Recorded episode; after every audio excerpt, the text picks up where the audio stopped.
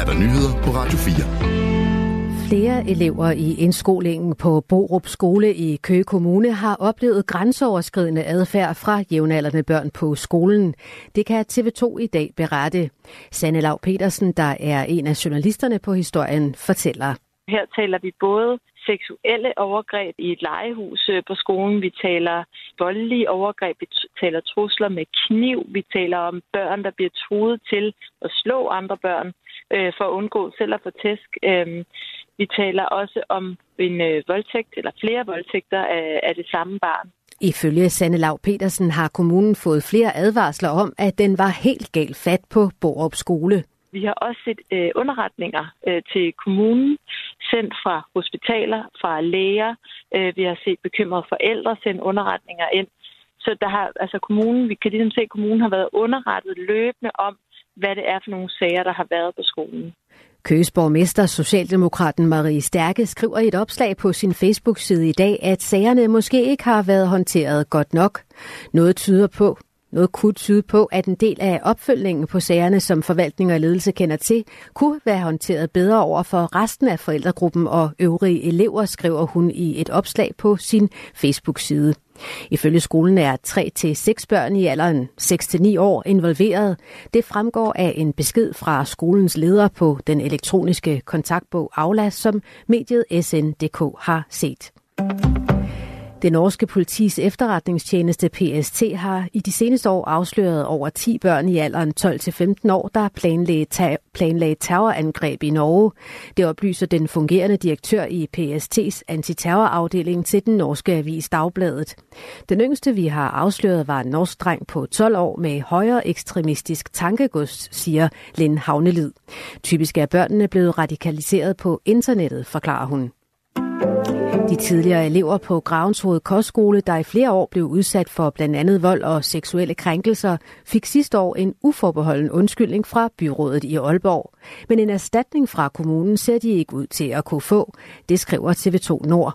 Ifølge Nordjyske skyldes det, at der ifølge kammeradvokaten, som er kommunens advokat i sagen, ikke er bevis for brud på menneskerettigheder, som var et af argumenterne for en erstatning. Danmark bør sætte en stopper for eksport af militært udstyr til Israel. Det mener både i enhedslisten og de radikale efter en hollandsk appeldomstol i dag gav den hollandske regering ordre om at stoppe eksporten af reservedele til F-35 kampfly til Israel. De skriver DR. Omkring 15 danske virksomheder leverer også dele til flyene. Enhedslisten har kaldt både udenrigsministeren og justitsministeren i samråd om sagen. Den hollandske regering har anket dommen fra appeldomstolen. EU's udenrigschef Joseph Borrell opfordrer det internationale samfund til at holde op med at sende militært isenkram til Israel. Udmeldingen kommer på et pressemøde i Bruxelles i dag. Hvis man mener, at for mange personer bliver dræbt, så skulle man måske levere færre våben. Så kunne man forhindre, at så mange mennesker bliver dræbt, siger Joseph Borrell. Joseph Borrell kritiserer også den israelske premierminister Benjamin Netanyahus opfordring til at evakuere de mere end en million palæstinensere, der har søgt tilflugt i Rafah i Gaza. Opfordringen kommer forud for en planlagt israelsk militæroperation i området. Den løsning er dog ifølge Borrell ikke realistisk. Hverken Ægypten eller Jordan har udtrykt vilje til at tage imod flygtninge fra Gaza. Tværtimod har Ægypten forstærket sin grænse til Gaza. 1200 danske soldater fra alle værn skal blandt andet yde værtsnationsstøtte, når den største NATO-øvelse i årtier løber af stablen.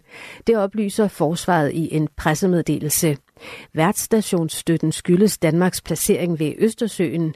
Den gør strategisk vigtig for hurtig forstærkning af NATO i det østlige Europa, skriver Forsvarsministeriet. I alt 90.000 soldater deltager i øvelsen, der løber af stablen fra februar til maj. Øvelsen bygger på NATO's opdaterede forsvarsplaner.